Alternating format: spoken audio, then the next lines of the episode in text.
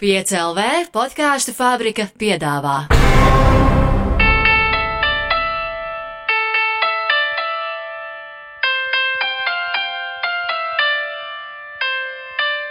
Runājot par skriešanu, esiet sveicināti. Mani sauc Toms Grēviņš. Un uh, pirms trīs gadiem pēkšņi es sāku skriet. Pašā sākumā bija ļoti interesanti ieraudzīt uh, telefonā, kur es skrienu, cik tālu es skrienu, cik ātri es skrienu. Un, uh, tas viss aizveda pie divām lietām, ko, par kurām es parasti nu, šogad, 2022. gadā, stāstu cilvēkiem, ar kuriem uh, tikko iepazīstos un kuri prasa, kādi ir tavi hobiji. Tad es saku, es skrienu un, un esmu noskrējis maratonu zem 3,5 stundām. Un pagājušā gada Ziemassvētkos noskrēju piecas maratona distances. Labdarības maratona dod pieci ietveros, kopā labdarībai piesaistot apmēram 100 tūkstošus eiro. Un, un jā, šajā skriešanas ceļā ļoti ātri, tad, kad es sāku jautāt ļaudīm par to, kas, kā, kur, kāpēc, ko darīt, ko nedarīt, kas vajadzīgs, kas nav vajadzīgs, es ļoti ātri sapratu, ka katrs cilvēks, vairāk profesionāls vai mazāk profesionāls, man sniedz diametrāli dažādas atbildes. Un šķiet, ka tieši tajā brīdī arī ienāca prātā, ka kādu dienu šādu podkāstu sēriju varētu arī uh, varētu tapt manā vadībā, un es ļautu visiem sadzirdēt šīs dažādas atbildes, uh, šos dažādos uh, viedokļus, bet caur tiem arī sameklēt kaut kādas kopīgās, uh, kopīgās patiesības. Un tāpēc mēs runājam par skriešanu. Runājam par skriešanu īpašā nedēļā, nedēļā kad šo svētdienu notiks kārtējais Rīgas maratons. Un, un, un jā, šajā seriālā jūs dzirdēsiet gan, gan profesionālus skrējējus, gan tautas skrējējus, gan skrē, skrējienu organizatorus, gan arī būs saruna ar vienu fizioterapeitu. Bet ar ko sākt? Skaidrs bija tas, ka Uh, Pat pirmā saruna, nu, jāsāk runāt ar cilvēkiem, kuriem skrien visātrāk, uh, kuriem ir izdevies uh, dzīvē noskriet visātrāk. Tā kā podkāstu, podkāstu atšķirībā no radio raidījumiem, tur nav iesaistīti ļoti daudz cilvēku. Tad pašam man bija jāveic viesu sarunāšana, un vēl pagaidām es nemāku atzīšos. Divus viesus tādā saspringtā grafikā ielikt, ielikt studijā. Vienlaicīgi es gribēju abus divus ātrākos Latvijas maratonistus ieaicināt šeit studijā, bet, bet tā nu ir sanācis, ka šodien pie manas ciemos ir tikai viens no viņiem. Uh, Valērijas Žonarovičs 2017. gada 14. maijā Rīgas maratonā ir uzstādīts Latvijas rekords maratonā. Un, jā, un tad savukārt Ieļena Prokopčuka, es ceru, šo sarunu noklausīsies, un kādreiz mēs ar viņu satiksimies pie mikrofona kādā, kādā citā reizē. Valērija, paldies, ka piekriti atnākt un parunāt par skriešanu. Jā, sveiki, Toms! Mm, kā tu sāki skriet? Ko es sāku skriet? Nu, bērnībā man liekas, mana paudze, visi skrien, visi skrēja, visi skrien laukos, un es esmu nogālis, tas ir Ventspils, nu jau novads, kādreiz rajons. Lielisks sports skolotājs mums tur bija, ir, bija, bija, nu jau bija. Nu, viņš vairāk nestrādā skolā, Dainis Lodiņš. Mm -hmm. uh, bet, laikam, jau visā pamatā, kā jebkurā sportā, ir tev draugi nodarbojas, un tu kompānijas pēc to pašu to pašu dari, lai, lai kopā jautrāk. Uh, Bet tātad skola un skolas normatīvas tā ir pirmā lieta. Nē, normatīvi nē, nu, drīzāk, drīzāk treniņi, nu, ko, ko ārpus skolas darīt. Ah. Ar dziedāšanu man negāja, jo man piektā klasē aizmet no kora. Tad es biju apvainojies, un es sev nozvērēju, ka es vairāk nekad mūžā nedziedāšu nevienā korī. Ja es, ja es tā gribēju dziedāt, ja man vienkārši pateica, nu, tev balss nedara, un es biju. un, Bet, eh, bet tā regulāri sāk trenēties diezgan vēlu, 10. klasē, 15 gados. Kā tas notika? Um, nu, kaut, kā, kaut kā rudenī sāk iet eh, skolā, un, un tā tas arī notika. Mēs bijām tāds, tāds kodoliņš savācies, tur 5-6 cilvēku, kas regulāri gāja uz treniņiem, un, un, un, un tā tas viss aizgāja. Tie, kas neskrien, tie parasti tieši to skolas laiku mūsu paudzē piesauc kā nu, to to, to vaininieku, kāpēc es vairs nekad neskriešu. Jo tur man lika, tur man likas šitā te skriet uh, obligāti, un tas man tik ļoti nepatika. Uh, tas, to es esmu dzirdējis uh, ļoti bieži, bet šeit ir otrs, otrs stāsts, vai ne? Es teiktu, droši vien baigi atkarīgs no tā skolotāja, kāds tas skolotājs ir bijis, kā viņš to, nu, kā jebkurā priekšmetā, jā, ne tikai sports riebjās, daudziem var, nezinu, matemātika riebjās vai vēl kaut kas, jā. Tas tik, tik ļoti atkarīgs no skolotāja un tik ļoti atkarīgs no draugiem, kas tev apkārt nu, draugi, nu, droši vien draugiem viņus var nosaukt, jā, nu, nu tā sabiedrība, kas tev ir apkārt, jā. Uh -huh. Un uh, kaut kā mēs bijām tik aktīvi, ka mums, uh, es nepazīstu personīgi nevienu no savu miestu, kam būtu riebums pret uh, sportu. Forši. Varbūt es vienkārši nezinu. Kur bija klikšķis? Kurā brīdī bija skaidrs, ka neiesi uz juristiem. Es domāju, tā bija populārākā izvēle tajā laikā. Pēc... Ekonomists, man liekas, ekonomists, ekonomists bija. Jā. Kaut kādā 12. klasē es Es vienu semestri nomācījos Vēnspils augstskolā, mm -hmm. un tad es sapratu, ka es eh, eh, vai nu es esmu padomju vai kā, ka man ļoti grūti apvienot ar eh, skriešanu savu, sportu un, un mācības, un es pēc semestra es pametu mācības, jo, jo nu, treniņi prasīja daudz laika, daudz koncentrācijas, un, un tad es nolēmu, ka es varētu pamācīties, nu, kādu gadiņu izlaist, un tad, tad, tad mācīties. Un tā tas ievilkās tajā skriešanā mazliet ilgāk. Pēc ekonomikas es vairāk neizmācījos, to treneri izmācījos. Pašlaik pa masīru mācos, un, nu jā, nav aktuālākās profesijas, bet, bet superīgi dzīves sportā pavadīt. Kādas bija pirmās sacensības? Un, un, un, un, un, un kur iekrita āķis lūpā, ka tieši tā 42 km distance ir tavējā? 42 km distance pie maniem atnāca tikai pēc 11 sportošanas gadiem. Tātad 2000. gadā es apmēram sāku regulāri trenēties, mm -hmm. un 2011. gadā, ja es nemaldos, pavasarī man bija pirmais maratons. Sākumā tas ir krosi, stadions, manēža. Nu, kā, tas, kā tam vajadzētu būt pēc loģikas, viegli nu, tu sāc ar stadionu, un tad tu izaugs līdz tiem līdz garākiem gabaliem, distancēm. Kur bija pirmais maratons? Uh, Hanovera. Hanovera, es tieši tāpat kā tu. Tagad, meklējot mūsu, es, es pats sev meklēju maratonu, un Hanovera bija viens no retiem maratoniem, kurš atsaucās, kurš bija gatavs sekt kaut kādus izdevumus manējos, lai es tur nokļūstu un tā tālāk. Un, nu jā, tajā brīdī Hanovera bija pirmais maratons. Kā tur viss sanāca? Uh, tur viss sanāca labi. tur viss sanāca uh, labi. Nu, slikti varbūt tādā ziņā, ka uh, no 42 km laikam 41 es skrēju viens pats, bet, bet nu, izņemot pirmā, jā, kamēr tur tā grupa pašķīst. Bet, eh, bet visādi citādi eh, kaut kādas savas expectācijas laikam piepildīju, bija ļoti sabies. Es, es nezinu, kā, kā tu vai, vai kā citi, teiksim, kas pirmo reizi skriet maratonu. Es domāju, ka visi ir sabijušies, jā, un es tajā skaitā biju ļoti sabijies, un, eh, un, un pirmo pusi skrēju ļoti piesardzīgi, pirmos desmit km ļoti piesardzīgi, Un uh, dabūju arī tādu lūzienu, tā, tādu, tādu tad kaut kāds brīdis bija, kad, nu, varbūt nekā pret sienu atsitos, bet, uh, ka sāk viss traucēt, jā, vējiņš uzpūš traucē, kaut kāds uh, divu soļu pacēlums traucē, jo, kā sliktam dejotājiem viss sāk traucēt. Bet uh, es domāju, es no maratona dabūju tādu pilnu emociju gāmu no, no tādas patīkamām sajūtām finišā un līdz, līdz tādām uh, teiksim, neciešanām, bet nu, tādām lielām mocībām kaut kādā 36. kilometrā. Jā. tā, tā kā jā, tā, tā, tā, tā, emocija gama bija plaša. Klasika. Uh, uh, nešķiet, tas nešķiet kaut kā negodīgi, ka nav uh, visas maratona trases tādas vien, vienlīdz lēzenes.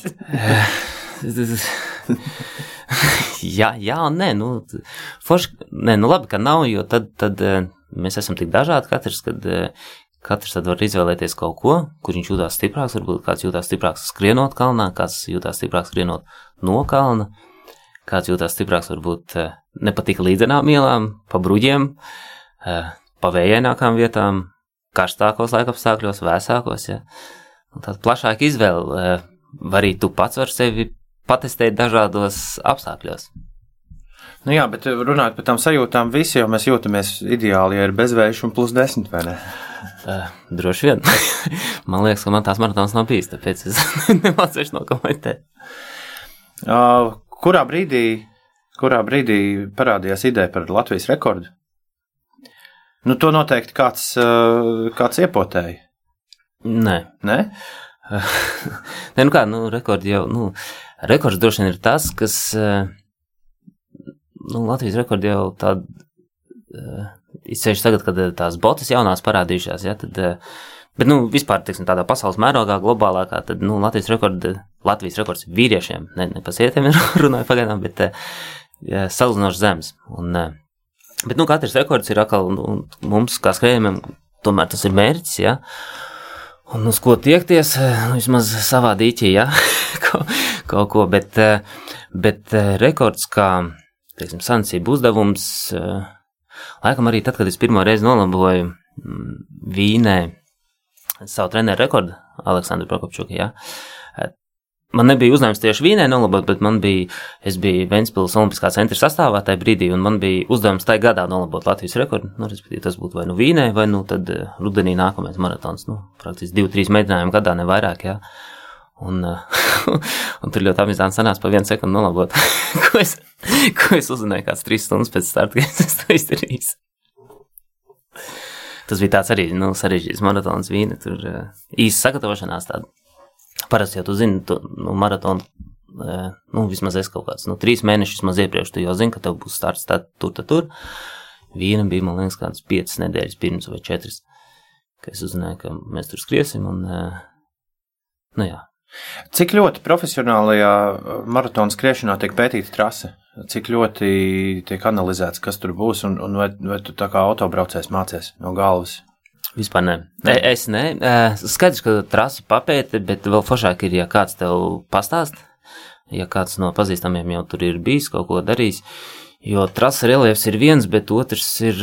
Es neesmu tādās ļoti sarežģītās trasēs skrējis, un, bet otrs ir kaut kāda vēja, kā tur varbūt viņi vairāk staigā vai nestaigā. Bet tām varbūt vairāk uzmanību pievērš jau tajā brīdī, kad tu esi atbraucis uz maratonu. Parasti tā ir piekdiena, kad tu ierodies, un tad ir visādi tur tehniskās sanāksmes, kur stāsta par trasi. Nu, tāpat tā skaitā arī Rīgā, ja kur stāsta par trasi, kur stāsta par uh, gaidāmo temperatūru, vēja virzieniem, stiprumiem, un, un, un tajā brīdī tu sāc uh, pievērst uzmanību. Skaidrs, ka, ja tu gatavojies kaut kādiem kalnainiem maratoniem, nu, kā, teiksim, Jeļena Prokopčuka Ņujorkai vai Bostonai, ja, nu, tur tad treniņi tiek jau mazliet pakārtot vairāk skriešanai kalnā, no kalna, ja, bet, saku, man, man nav bijuši tik, nav, nav bijuši plānot vismaz tik uh, reliefaini maratoni, lai es, lai es kaut kāds treniņus pakārtot. Kaut gan vienreiz es tādā maratonā tiešām nokļuvu, ja, kad man stāstīja, ka maratons ir glūts kā galds, ja, un, un, bet viņš tāds nebija. un kā, kā tad bija rezultāti, vai tas ietekmēja? Uh, Pirmkārt, tas ietekmē varbūt pat galvā, nu, kad tev pasaka, teiksim, braucot uz turieni, tev izstāsta, ka tajā brīdī tas bija bronzas labela maratons Anglijā. Es tagad neatcerēšos. Bornamo, Bornamos maratons, jā. Un, un, un man menedžers stāsta, ka viņš ir ātrs, gluds, lielisks maratons. Un es, es ieslēdzu pulksteni, pēc tam es mājās skatos, un man bija posmi trasē, teiksim, ja vidējais, vidējais laiks bija varbūt kaut kāds 3,15 km, 3,18, es neatceros, kaut kāds 2,17 bija galā. Tad uh, bija brīži, kad es skrienu kalnā pa, pa 4,50 apmēram, un no kalna pa zem 2,50 mazliet. Tā kā tik krasas atšķirības, ja, un, un, un pludmale, uh, nevis pludmale, bet uh, promenāde tāda gar, gar pludmalīti, un cilvēki ar suņiem staigā, un viss notiek, un tu tur tā krustošķērs un kaut kā lavierē. Un tad es nobrīnījos, un, jo tajā brīdī arī Rīga bija bronzas labela, un es biju skrējis Rīgā, un es uzskrēju tur, jo viņš ir rudenī, un, teiksim, organizācijas, un tādā, teiksim, trases noslēgtības ziņā, un, un, un visā, visā, vispār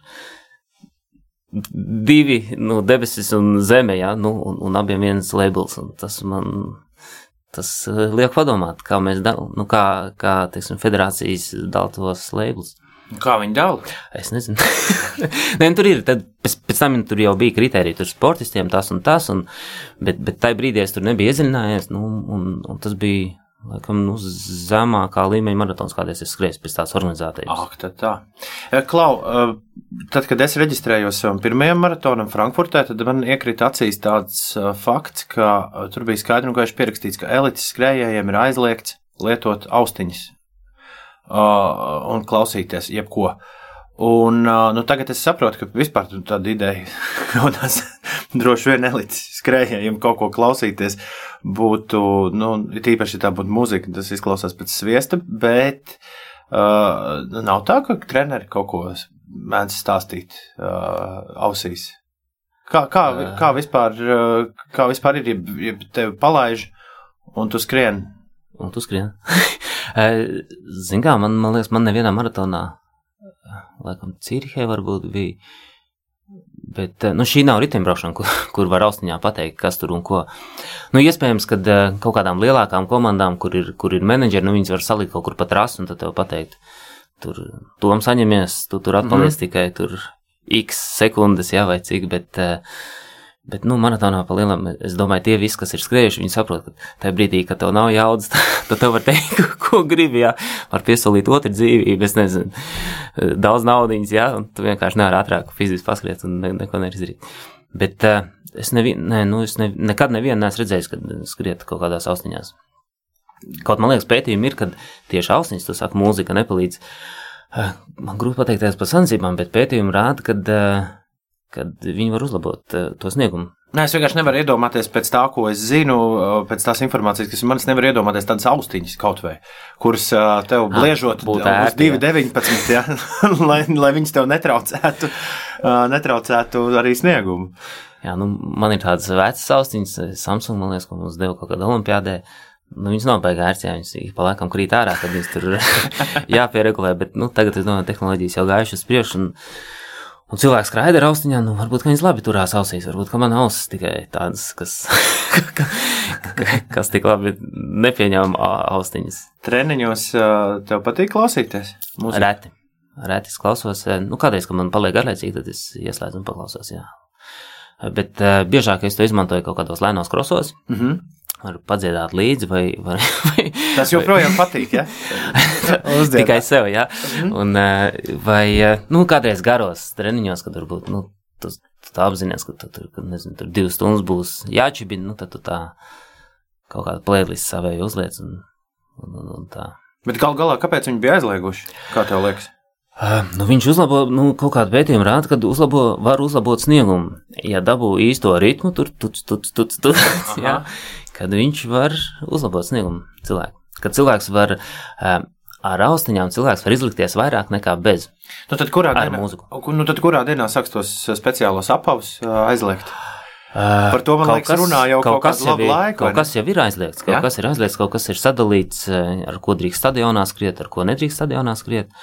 Bet man liekas, tās kurpes, ar ko Kipčoga noskrēja zem divām stundām, man liekas, ka tās ir aizliegts. Nu, tur kaut kā pēc augstumiem es, es vienkārši pagaidām es tā kā pussolīt pagājis nost no mm -hmm. tik dziļas skriešanā, ja, kad es īsti, īsti tik tehniski tev nemācīšu izstāstīt. Bet kaut kas ir, nu, nevis, nu jā, kaut kāds bots ir aizliegts un, un ir izstrādāt kaut kādi maksimālie augstumi, maksimālie kritumi, kādi var būt, ja tur no papēžu uz pušgalu un tādas lietas.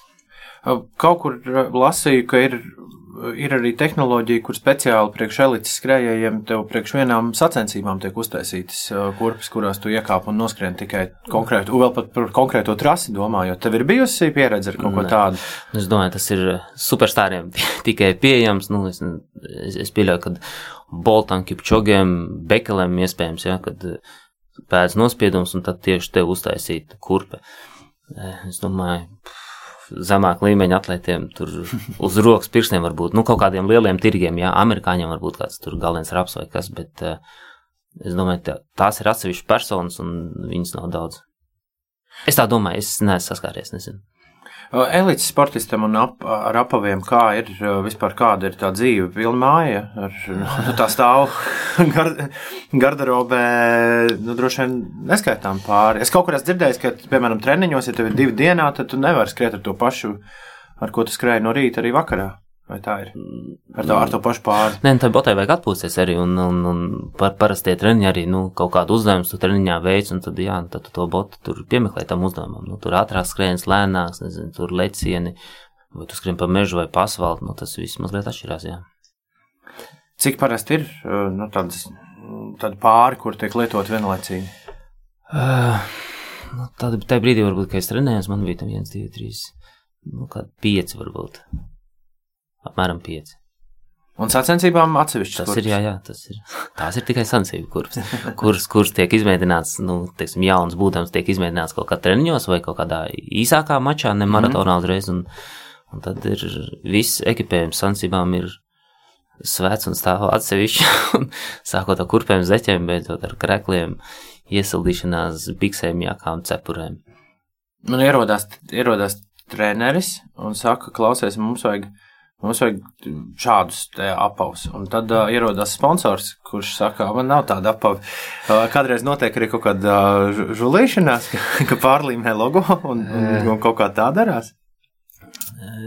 Nu, es domāju, ka no Latvijas skrējējiem vienīgam, kam ir bijis sponsors, vienīgajai, tā ir Ieļena, jā. Pārējiem visiem skrējējiem mēs esam pārāk švaki. nu, vi, vi, vienu brīdi man bija. Tā bija dīls ar Adidas, ne? Nu, tas ir lokālais, tas ir ah, lokālais okay. Latvijas. Jā, nu, vienu, vienu brīdi man bija ar Naiku, laikam, vienu sezonu. Tā ir sezonā, kad es Bonimotā skrēju, neatceros, kurš tas gads. Bet uh, tu, principā, tu nenos, nu, mūsu līmeņa atlētē nenosaka, ko man vajag, ko man nevajag. Tev vienkārši atved tādu somu, še. Nu, viņi zina tavu izmēru, jā, tu, tu esi aizpildījis tādu anketiņu, un tev vienkārši iedod vienu vai divas somas, un, uh, un tur ir viss, kas tev tam gadam ir. Jā. Skaidrs, ja tu augstāks, augstāks raus atlēts, jo tu tur vairāk jau var ocīs kaut kāds. Pirms sarunas tu man teici, ka tu neko neatceries par savām intervijām. Uh, nē, nevis neko neatceros, bet tu man prasīji, kurā gadā ir bijis. Es, uh, tas ir tik nebūtiski, man liekas, kad. Uh, Tā kā svarīgāk ir skriet, nevis, nevis viss tas, kas nāk tam līdzi. Svarīgāk ir darīt. Kaut kā. Jocīga pasaule ir palikusi. nu, tik daudz, tik daudz, kas ir sociālajie tīkli, ja tik daudz, tik daudz bildes, tik daudz runas, tik daudz, un arī ar skriešanu, ja runājam par skriešanu, tu jau vari neskriet pat tik ātri, ja tev ir attiecīgs sekotāju pulks, tad tavs pieminētie sponsori jau stāv rindā, ja? Un, eh, nu, tieši tas pats, kas notiek kaut kādā boxā vai vēl kaut kur, ja, ja tu esi tur labs youtuber. Nu, vienīgi eh, mums, protams, Latvijā ir problēma tā, ka, nu, mazs tirgs, ja, tad tev tur anglis droši vien jārunā vai uh, krievis droši vien tagad nevar runāt, bet, nu, kaut kādā citā valodā, kur ir tas, nezinu, spāņu, portugāļu, angļu, ja, kur ir liela auditorija. Bet mūsdienās tev nav jābūt augsts klases sportistam, lai tev būtu reklāmas līgums. Tā nīpat laikā uh, nu, tu pieredzēji, kā arī tas tautas sports uzauga un, un tieši skriešana uh, pieņēmās popularitātē. Un skaidrs, ka tur ir, tur ir gan Rimanta un Stirnu buka liels nopelns, tur ir liels uh, gal, galvenokārt arī Rīgas maratona uh, nopelns, kur tomēr atšķirībā no cit, citiem lielajiem maratoniem pasaulē ir tomēr izveidots tās trases tā, lai, uh, lai katrs pēc saviem spēkiem Es, es domāju, būtībā katrs, kurš skrien, lai var tur piedalīties un kaut ko kaut ko noskriet. Tas kaut, tas kaut kā maisa gaisa priekš, priekš, priekš elites sportisti, ka tik daudz cilvēki skraida. Um, nē, nu tas tieši otrādi droši vien. Es domāju, ka organizatori tajā brīdī, jo viņiem ir vairāk dalībnieku, jo viņi labāks apstākļus iespējams var nodrošināt saucamajai elitei. Ja? Mm -hmm. Es domāju, skriešana nu, tieši tāpat kā viss joms, tur ir jābūt piramīdai, ja, un, un, Un arī elite jau veidojās no tās, no tās masas, nu, no, mas, no tiem daudziem cilvēkiem, kas skrien. Jā, tā kā es domāju, viss ir tikai par. Skaidrs, ka cita runa būtu, ja Rīgas maratona palaist, teiksim, astoņos apļos, jā, tad, tad varbūt es domātu savādāk, bet šai brīdī, nu, kad viņš ir vienā vai divos apļos, tā vispār nav problēma. Es domāju, viss, viss ir tikai par to, jo, lai vairāk cilvēku kustās un lai vairāk skrien. Jo tagad, man liekas, tie skriešanas pasākumi, jau tavs pieminētais Stinbuks, Rīgas maratons, skrien Latviju, eh, piltens skrējiens, un manā nodā skrējienu ir bezgalīgi daudz. tagad tikai jāizvēlas, jāizvēlas un uh, var skriet katru nedēļas nogalu vēl biežāk. Es pieļauju, ka cilvēki meklē arī skriešanas treneru aizvien, aizvien biežāk. Kā tev ar treneru darbu iet? Uh, darbojos tajā lauciņā, darbojos, jā, uh, nesūdzos. uh, Klienti pietiek. Forši, forši audzēkņi ir, jā, jo, jo, jo mans tas uzstādījums kaut kā ir, es audzēknim gribu dot, un es arī no audzēkņa prasu, lai viņš, ja tu atnāc, tad tu arī dari, un, un nu tā, ka mēs abi tā pa nopietnam strādājam. Mm -hmm. Ne tādā ziņā, ka tu tur kaut ko nedrīkst vai drīkst, bet, nu tā, ka ar katru tiek izrunāts, ja, kādi ir kaut kādas ambīcijas, mērķi, un, un, un ja, ja man kaut kas varbūt eh, es nepatīk, bet eh, es, es, es redzu problēmas, teiksim, mērķa sasniegšanā, jā, tad es, tad es kaut ko mēģinu atrunāt vai, vai pārliecināt kaut kā savādāk. Eh, skaidrs, ka mans viedoklis arī, nu, droši vien nav tas tā svētā patiesība, nu, ne tālu, ne, ne tuvu, jā, jo, jo tie, tie ceļi, kā nonākt līdz kaut kādam vienam mērķim, ir daudz un, daudz un gandrīz bezgalīgi. Tāpat kā maratona treniņu plāni vienkārši uz vienu rezultātu var aiziet nezinu, no, no 50 dažādām, jā, bet uh, es strādāju kaut kā pēc šī, un, un teiksim, jāprunājoties ar cilvēku, viņš to pieņem, kā, kā, kā, kā es to uztveru, jā, tad, uh, tad mums viss saprast. Ik viens var skriet? Uh, nav tik viennozīmīgi droši vien. Nu, tās izējas pozīcijas jāskatās, nezinu, tur svars, vecums, kaites. Uh, es neteiktu, ka ik viens var skriet. Bet lielākā daļa, jā. Pieminēja treniņu plānus, nu pat kādi ir, jā, kā atšķiras elitei un, un amatieriem uh, treniņu plāni? Nu, ma, mana pieredze ir tāda, ka parasti trenējoties maratonam, uh, tā rupi runājot, tu kāpini, kāpini, kāpini. Kaut kādu savu slodzi, teiksim, nedēļu vai divas pirms maratona, tu noskrien 30 km, kas ir tāds nu, galējais, uh, galējais daudzums, un tad, kad tu ķeries tam 42 zvēram klāt, tad, tad tā, tā tie ir tavi svētki un tiec nu vien. Tiec nu viena līdz galam. Nesaku, ka tas ir pareizi, nesaku, ka nepareizi. Vienkārši manā pieredzē tā tas ir bijis. Abās, divās sacensību pieredzēs. Bet, bet jā, kā tas ir, kā tas ir profesionālam sportistam? Nu, būtiskākā atšķirība droši vien ir tā, ka profesionālim visa dzīve pakārto treniņiem. Jā, atšķirībā nu, jā, no amatieriem. Mums ir vēl, jā, mums vēl darbiņš, darbiņš, jā. jā. Jo neatsveram treniņu procesa sastāvdaļa, neatsveram un viena no galvenajām ir atpūta, jo tu praktiski gandrīz vai trenējies tajā brīdī, kad tu nevis, kad tu fiziski skrien, bet pēc tam, kā tavs organisms adaptējās, kā viņš adaptējās tajā slodzē, ja, kā kaulu muskuļu sistēma, saišu sistēma. Un, nu jā, un mums ir iespēja atpūsties un droši vien uztaisīt arī biežāk jaudīgāks treniņus nekā, nekā amatieriem. Nu, profesionālim ir iespēja uztaisīt biežāk jaudīgāks treniņus. Profesionāls noteikti, nu nevis noteikti, bet visbiežāk savu, rūpēs vairāk par savu veselību.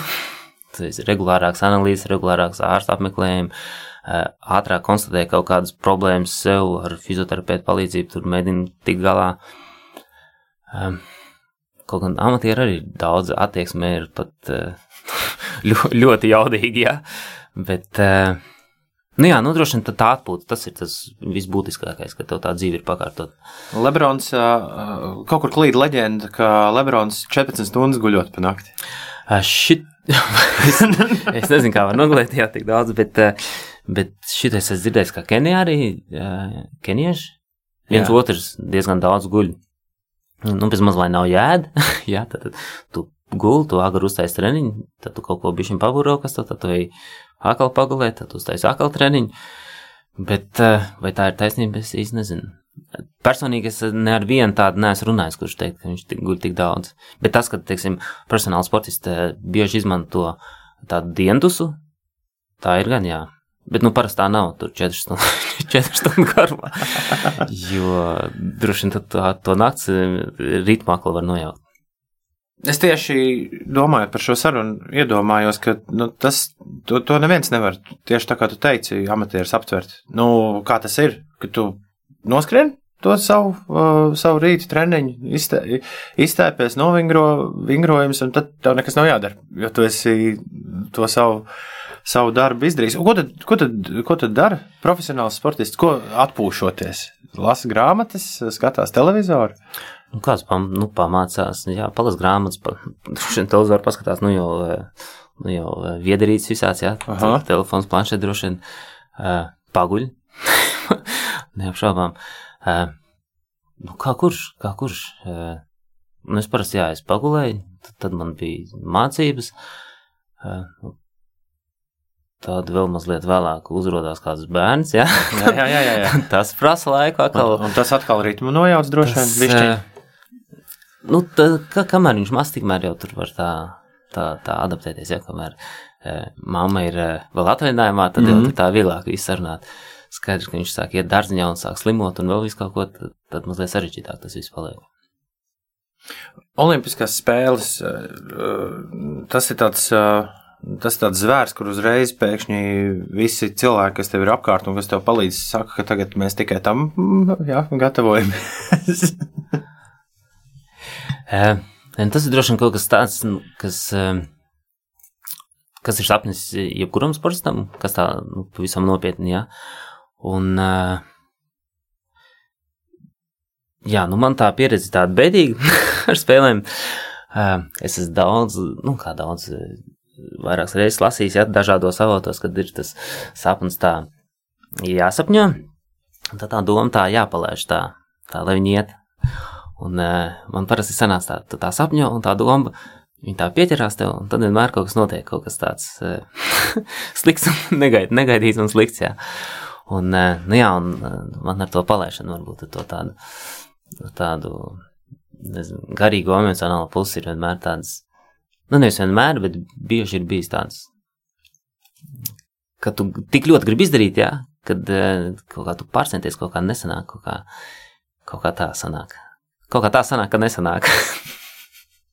Bet eh, kurš ir tas brīdis? Es par to arī domāju. Nu, amatieru, pagaidām savā amatieru karjerā es zinu, ka, ja es uzlieku mērķi, un es saprotu, un, un šis mērķis ir uzreiz iet roku rokā ar to, ka es saprotu, kāds darbs man jāiegulda, ir, ja es to darbu ieguldu. Tad es arī šo mērķi sasniedzu. Tad es varu sākt domāt par, par kaut kādu nākamo mērķi. Bet kurš ir tas brīdis, kad, uh, kad šis vairs nestrādā?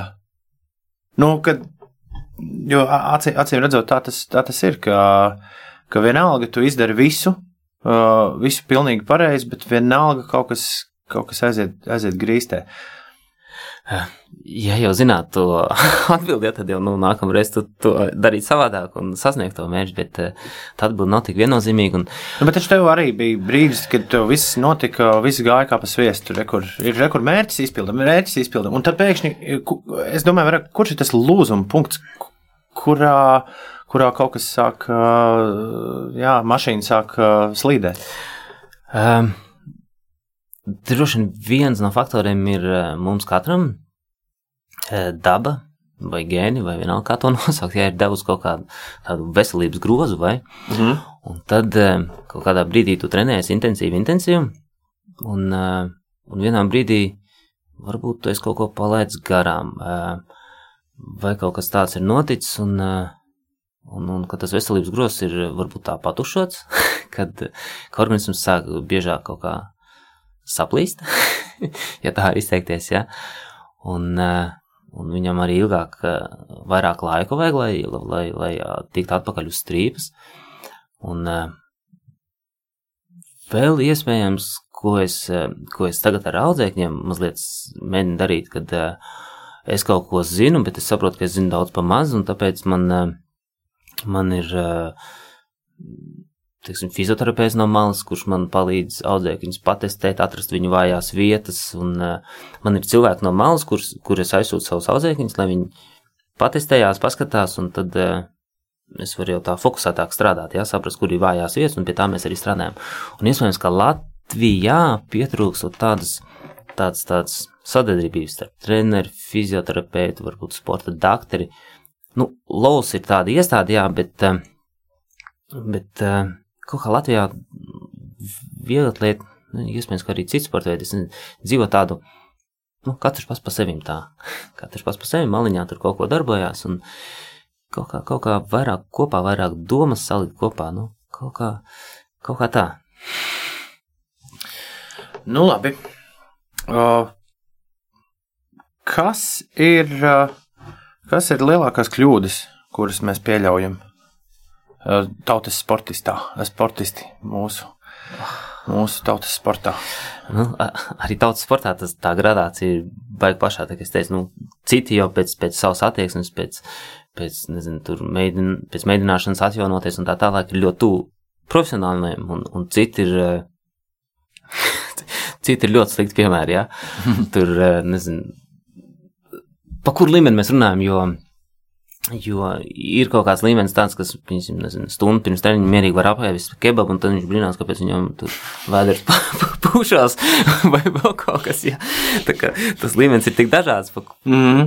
uh, ne, nu, tipiskākās kļūdas droši vien ir um, liels slodžu pieaugums, nu, tāds uh, no nedēļas uz nedēļu vienkārši visu laiku. Tipiska kļūda ir sākumā uh, daudz par lielu ātrumu, kādā vajag skriet. Nu, respektīvi, uh, teiksim, kā skatās treneris? Treneris skatās, tātad atnāk cilvēks, viņš apzina apmēram viņa vājās vietas, viņš saprot mērķus, ko mēs ejam, tātad mums vajag attīstīt tur kaut kādu aerobo bāzi, mums vajag tur kapilāru tīklu, mitohondriju daudzumu, tātad to mēs darām pie tādas un tādas slodzes, ja. Tur spēku mēs darām tad tā un tā. Uh, amatieris iziet, o, forša diena, šodien jāmāc. Ja? Rīt arī forša diena atkal jāmāc, ja. Un, uh, nu jā, tā slodža dozācija droši vien tā ir tā vislielākā kļūda. Nu, es esmu dzirdējis, ka ir ļoti grūti daudziem saņemties to, to lēno skriešanu. ā, darīt. Te, te iespējams, jā, uh, to es arī esmu dzirdējis, jā, bet, un, un daudz kautrējās, nu, daudz kautrējās, tiksim, kaut kādu i- skriešanu, pamīšu arī iešanu, jā, bet uh, es varu pateikt, ka es esmu tā darījis. Es zinu, ka Jeļena Prokopčuk tā ir darījusi, jā. Nu, kam on, ja mēs to varam, jā. to, to var jebkurš, jā. Uh, vajag, uh, vajag, vajag vairāk ieklausīties kaut kā sevi un mazāk domāt, ko pa manīm citi domās. Vajag darīt vienkārši to, kas tev jādara. Un, un šī gadījumā iespējams, ka treneris varētu būt tas, tas labais motivators, kas tev varētu ielikt tajā rāmī, ka tagad mēs te divus, trīs mēnešus darbosimies. Cik nu tā sirsniņa jaudīgi ir, tik mēs arī darbosimies. Runājot par izturību, ir bijis un ieklausīšanos sevi, ir bijusi situācija, ka tu esi izstājies no sacensībām. Uh, jā, bet tas ir ieklausīšanās sevi ne, ne, ne dēļ te- teiksim, kaut kādas veselības, bet tas drīzāk dēļ kaut kāda emocionālā stāvokļa, jo, jo gaidas ir teiksim, no, sensība, no sensībām ir vienas. Gaidas pirms sensībām ir vienas, un, un tas reālais izpildījums ir kaut kas drastisks, savādāks. Un tad ir laikam dēļ tās vilšanās, tad tu saproti. Un tu domā mazliet arī uz priekšu, tātad, ah, šitais var noiet, ja man tur rīt būs tas vai tas, vai pēc nedēļas šis vai šis, jā. Bet, eh, bet vispār tas ir slikts piemērs. Ja, ja tā nav izstāšanās dēļ veselības, tad, eh, ja pēc tam katrs tas nākamais starts ir arvien grūtāks. Jo tikko vienreiz cilvēks ir izstājies, tā viņam katru reizi tās doma iezogas. Kāpēc es te mocos, es kā varbūt man neiet malā. Nu, labi, bet kāpēc tu izstājies? Uh, es laikam, es, es esmu izstājies dēļ traumām. Nu, tas ir mazliet sādāk. Bet es esmu izstājies. eh, Es pat nezinu, man liekas, es. eh, Stadionā es esmu izstājies. Ne, nu, Ah. teiksim, šosejā es, mm. -hmm. es neatceros, kad es būtu.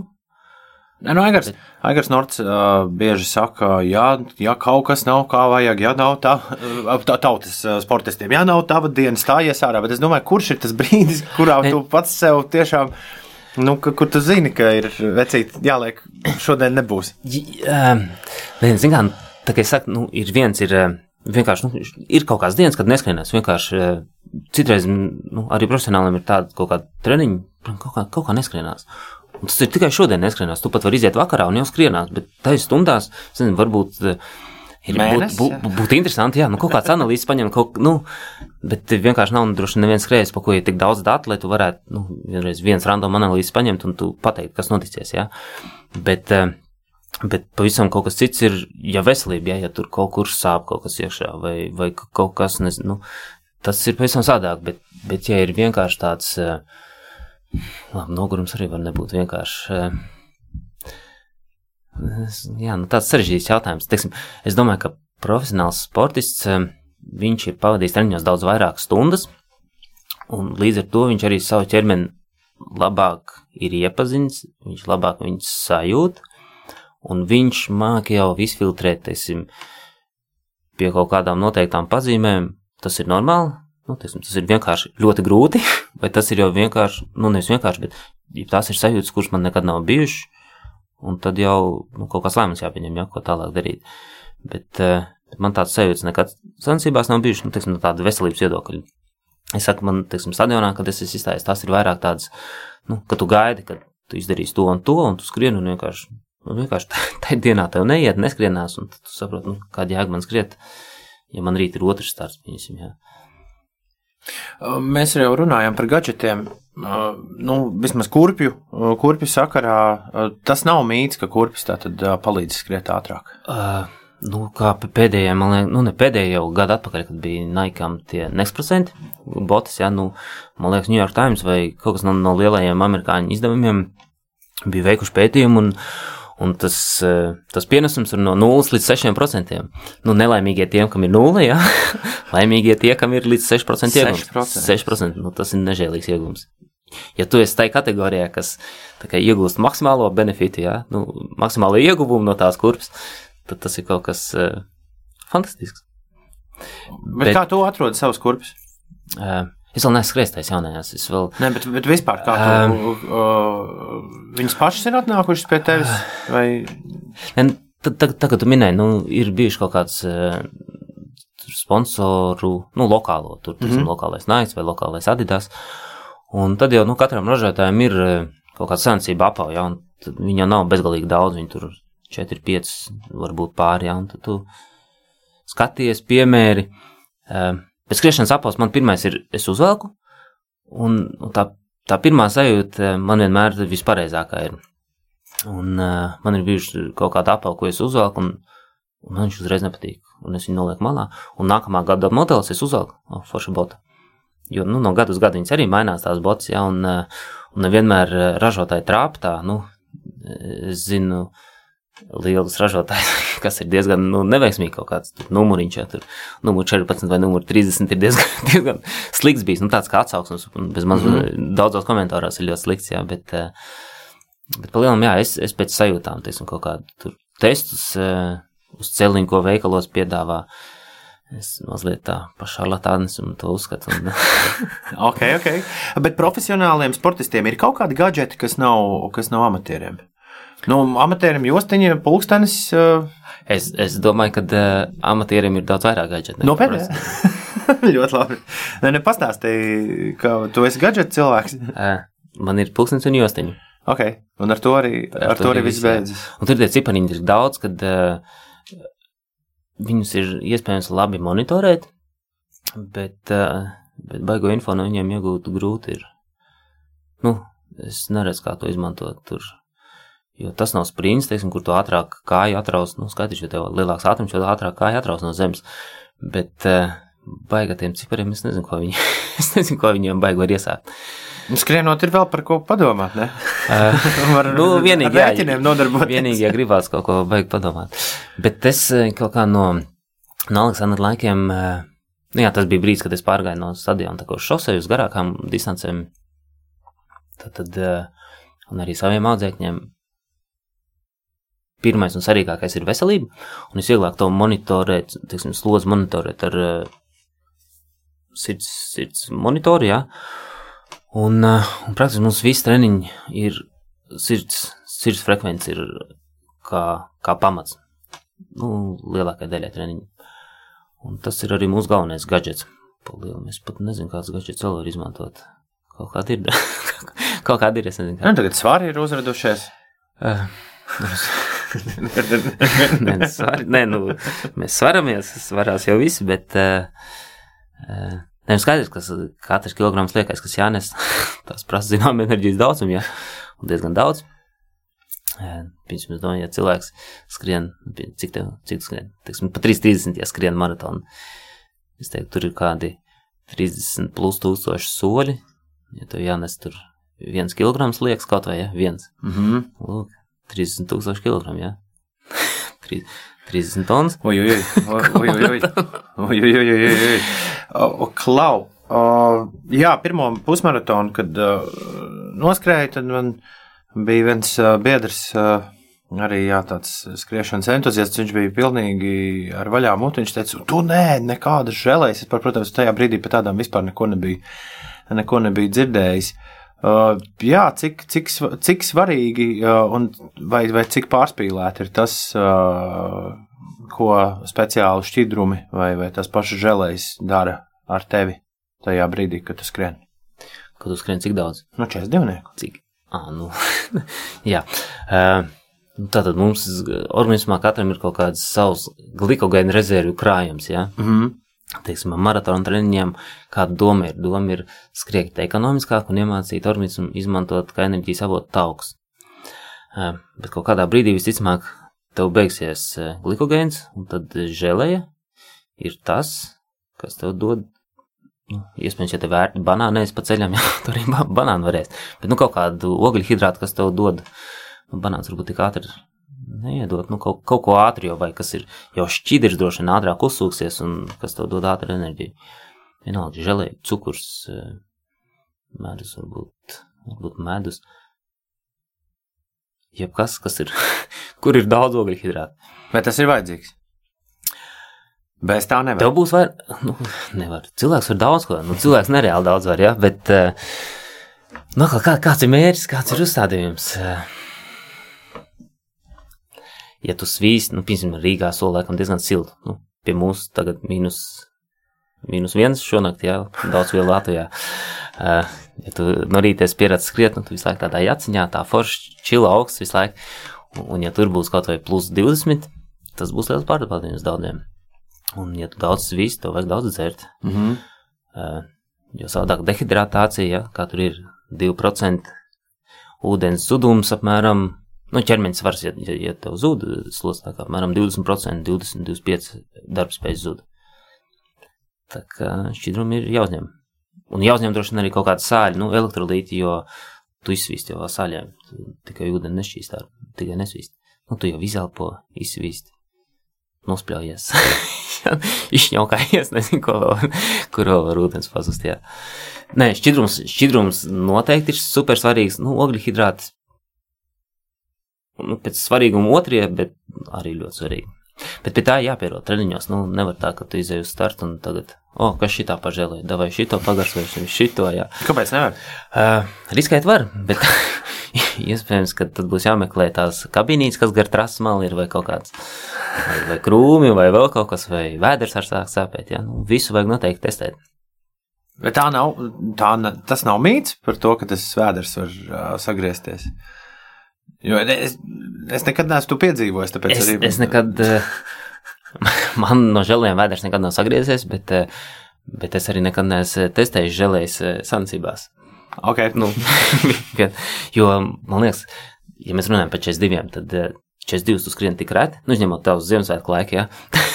42 tu skrien tik reti, ka tu, nu, vajag stulbi ir atļ, nu, būt tik neuzmanīgam un uh, labāk, tā, teiksim, tur trīs mēnešu ciklā izprovēt visu kaut ko, nu, kas tev liekas, kas tev varētu garšāt. Un, un tad tā starta dienā jau stingri zināt, man vajag to, šito un šito. Nevis uh, trīs mēnešos nemēģināt neko, un tad uh, tā svētku brīdī kaut ko raut, un, un, un, un, un tad tas viss ie- ieguldītais darbs būs vējā. Nu. Vienkārši pastāv risks, nav teiks, ka tā notiksies, bet nu, pastāv risks, un ja viņas var izslēgt, priekš kā viņas, priekš kā viņas pieļaut. Uh, jā, Mārcis no Pulsometra taisa foršu podkāstu, kas ir jau, vairākus gadus, ko sauc aplīšu sarunas un runā ar visdažādākiem skrējējiem. Man bija tas gods pie viņa pavisam nesen paviesoties. Tu viesojies pie, pirms, pie, pie viņa pirms četriem gadiem, un tad tu stāstīji, ka nu, nu, tie 42 km skrējēji, te jau zini, ka pienāk kaut kāds brīdis, kad tu diezgan ilgi vari šo to par dzīvu pārdomāt. Un, uh, un, un, un droši vien, uh, nu jā, droši vien pie visādām, pie visādām atziņām nonāk. Tā, man drīzāk savādāks jautājums, vai tev kādreiz ir kaut kāda mirāža parādījusies skrienot? Nu, tā, ka tu esi redzējis kaut ko tādu, kas patiesībā tur nav. Nē, tik tālu. To, to, to, to, nirvānu tu neesi sasniedzis. Jā, droši vien tā paldies augstākajiem spēkiem, jā, bet, uh, jā, vai, vai nu mans pašsaglabāšanās instinkts, vai, jā, es neesmu, nu, tiksim, kā kādreiz rādījā kaut kādos, nu, tie biežāk ir maratonis vai soļotāji, kur viņam aiziet kaut kas ciet, jāsāk uz otru pusi kaut kur kustēties, vai, vai uh, zigzagā, teiksim, virzība notiek zigzag veidīgi, jā, uh, man tā nav sanācis, jā. Nē, es redzēju nekādas mirāžas, ne. Man vienreiz... Neskrienot, ne, ne ikdienā. Man vienreiz trīs, trīs bet, nu, bet tas mirklis, kad tu esi pie tā 38, 37 km, viņš ir tāds, tāds jautrs. Man vienreiz uh, parādījās uh, Rundāls pils acis priekšā. Un tad es sāku, ne, es vienkārši sevi izvilku tā, ka es sāku domāt, ka būtu baigi, baigi senās bijis. būtu baigi forši aizbraukt. Ko tad ne? Tas, tas nebija runa, nē, tā kā, nu, vizuālajā vizuālajā fantāzijā tās domas par to pilnu man izvilkt tam slavenajam 36. cauri. Mm. Tev, tev, tev nav kādreiz kāda nu, tiešām stulba, kaut kādas stulbas idejas ienākušas prātā tajā brīdī. um. Vai jautrs, vai es varbūt nepareizi. Forma, ne, es, nu, es atceros. Um, kaut kas negaidīts. Tā, tās domas jau visāds nāk, tā, kad uh, vēl pie pirmā maratona atgriežoties, piemēram, tajā tā pašā Hanoverē, kad man nāca tur uh, grūtības virsū, tad es, uh, man bija tā, ka es skrienu kaut kādā parkā un es domāju, ka tik ne kalns, ka tik ne kalns. Nu, man jau viss, es jau beigts, jau es negribu kalnu. Es pagriežos un tur tāds, nu, ļoti lēzens tāds, bet viņš iet uz augšu. Tikko mans domas jau un viņas uzreiz materializējās. Un tad, uh, Un tad, jā, tad tu sāc skaitīt kaut kādus stāvus, ja aizskan līdz tam stāvam. O, jānoskrien, jānoķer tas uh, Melnīs, kas tur priekšā skrien, piemēram. Tur, nezinu, jāskrien līdz tai ārkai. Nu, tu me, me, meklē jau kaut kādu starfinišu, lai tu vari. Bet tas, tas ir mačos, jā. Uh, bet, uh, nē, nē, paigās domas. Nu, šis ir tāds klasisks jautājums, jā, par ko tu domā, kad tu skrien. Tu, tu kaut kādas sadzīves problēmas tur mēģini risināt, jā. Tad tu kaut ko pasapņo, tad tu kaut ko atceries. Bet tā konkrēti pateikt, ko domā, nē, nevar. Ik pa laikam, um, es varbūt varu pateikt, kas ir nevis stulbākais, bet kas ir foršākais, kad, uh, jo katrs treniņš nav tā, ka tu izēji un tādu, uh, aiziet, jā, un, uh, bet uh, ik pa laikam man uznāk tāda, nu, tādas tās sajūtas, kad es izēju, nu, tāds kaivs no skriešanas, nu, tu vari skriet un vienkārši visu laiku smaidīt, nu, vienalga, cik gara distance. Bet, uh, diemžēl, tās uh, šīs sajūtas nav nu, tā pārlieku bieži. Ja? Man nav tā, ka es ar gariem zobiem skrietu, bet man patīk ieskriet. Bet, bet ir citreiz vēl tāds, tāds hiper kaut kāds pacilājums. Un tas ir foršs sajūta. Kas skrien un, un viss pasaule tev apkārt čivina un smaida un vienalga kāds laiks un viss ir vajag forši. Bet, uh, bet es neesmu iemācījies uh, sevi tā noskaņot, nu, lai es tā kaut kā mākslīgi līdz tam tikt. Tas vienkārši kaut kā Mm -hmm. Tā notiek un, un ir. Un tad viņš kaut kādas dienas tā ir, tad, viņš, tad viņš atgriežas ikdienā un, un, un tā. 2017. gada 14. maija. Uh, jā, es, es biju klāt, tad, kad tu startēji. Ar ko tā diena bija labāka par citām dienām? Mm. Es nezinu. Um, bet viss taču saslēdzās. Ja, pa, ja tā sajūta tāda nemaz nebija. Es neatceros, vai tas bija tas gads vai nē, kad man, eh, man bija pēcmīkers tajā gadā. Jo man, vai nu tajā gadā, vai, vai gadu iepriekš man bija, ne, gadu iepriekš, taču ne 16. Laikam man bija pēcmīkers.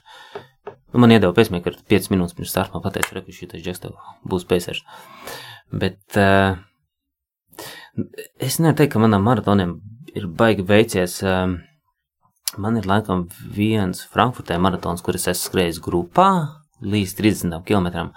Pārējie visi man ir nu, pa celmiem gājuši. Un šis pieminētais Rīgā bija pēcmeikars, kuram bija jāskrien pa 3, es neatceros, cik viņam toreiz uzdevums bija, tur 3.12, nu kaut kas apmēram tāds.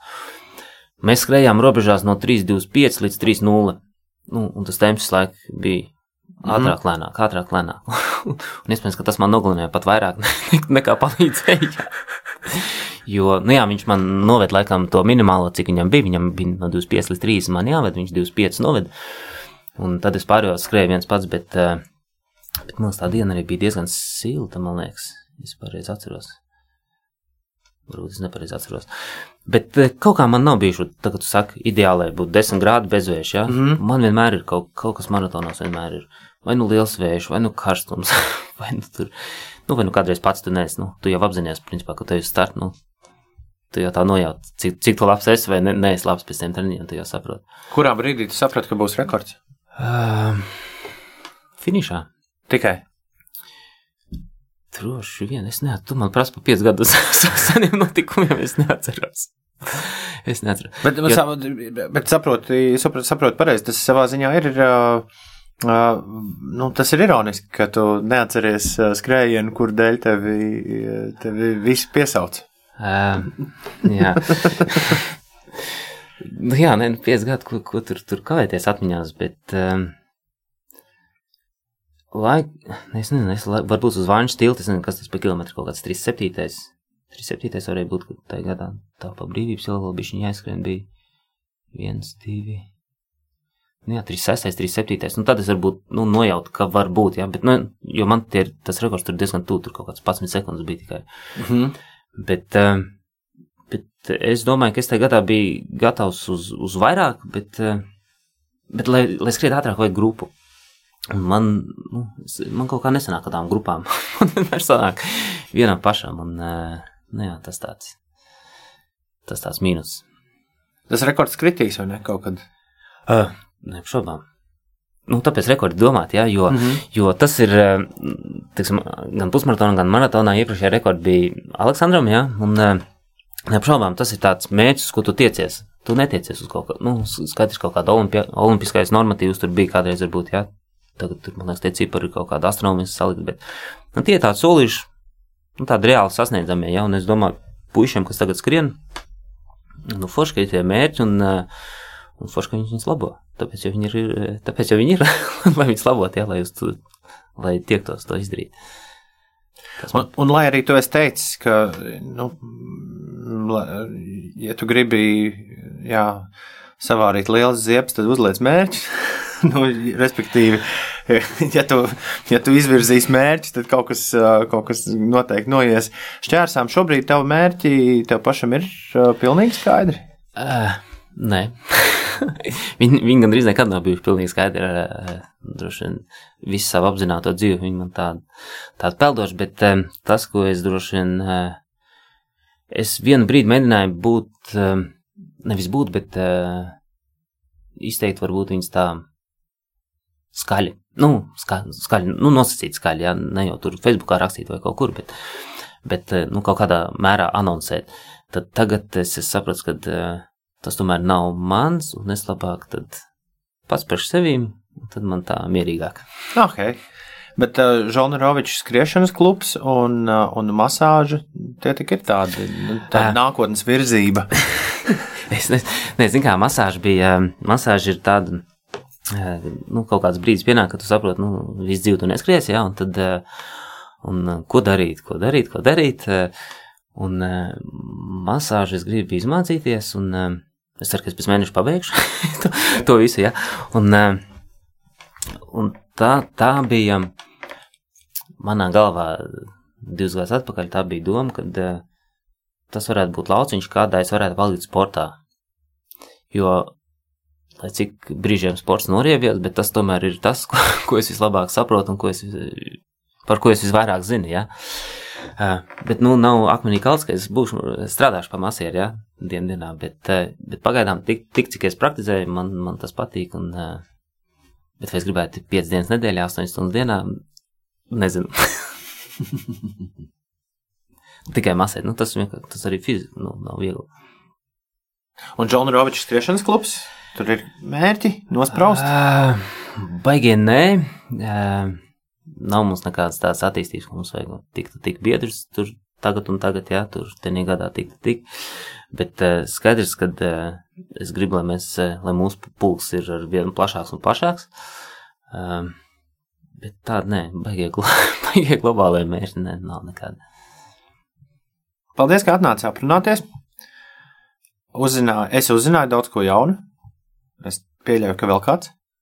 Un tas jau pats svarīgākais, tāpēc jau mēs arī ne tikai skrienam, bet ik pa laikam arī parunājam par skriešanu. Jā. Tas gan jā. Es domāju, sk- skrēji, lai viņi arī ir tādi vienpaši, viņi tomēr visi ir diezgan runīgi īstenībā. Lai arī skrien daudz pa vienam, jā. Nu, tā brīdī atpūšās, un tad jau var sanākt kopā un parunāt. Mm. ne? Valērijas Žonrovičs šodien ciemos ā, pie manis. Paldies tev un lai, lai forša lai forša vasara, lai labi, lai labi skrienes arī karstajā laikā. Jā, labi, paldies. Atā.